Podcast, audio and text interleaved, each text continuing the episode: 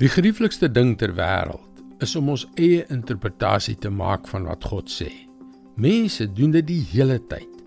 Hulle argumenteer met God as hy nie sê wat hulle wil hoor nie. Wat van jou? Hou jy daarvan om regtig te luister na wat God sê? Hallo, ek is Jockey Gouchee vir Bernie Diamond.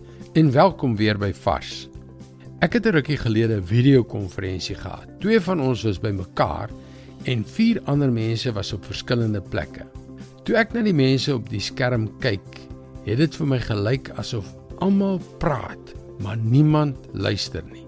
Die bespreking het taamlik driftig geword. Ek het die klank afgeskakel en vir die ou langs my gesê: "Mis ek iets of is hulle besig om vurig met mekaar saam te stem?" Dit blyk toe dat hulle almal basies dieselfde ding sê, maar omdat niemand luister nie, het hulle dit nie besef nie. Ek het voorheen dikwels nie saamgestem met wat God sê nie. Toe ek eendag stil staan en na hom luister, het ek ontdek dat hy die dinge sê wat ek nodig het om te hoor. En ek het besef dat hy reg was. Dit het beteken dat ek regtig moes luister om hom te hoor. In die Ou Testament lees ons in Deuteronomium 5 vers 27 hoe die volk vir Moses gesê het: "Gaan jy nader en luister na wat die Here ons God sê. Dan kan jy alles wat hy vir jou sê vir ons vertel en ons sal dit gehoorsaam en daarvolgens lewe. Ons het deesdae 'n baie beter Moses.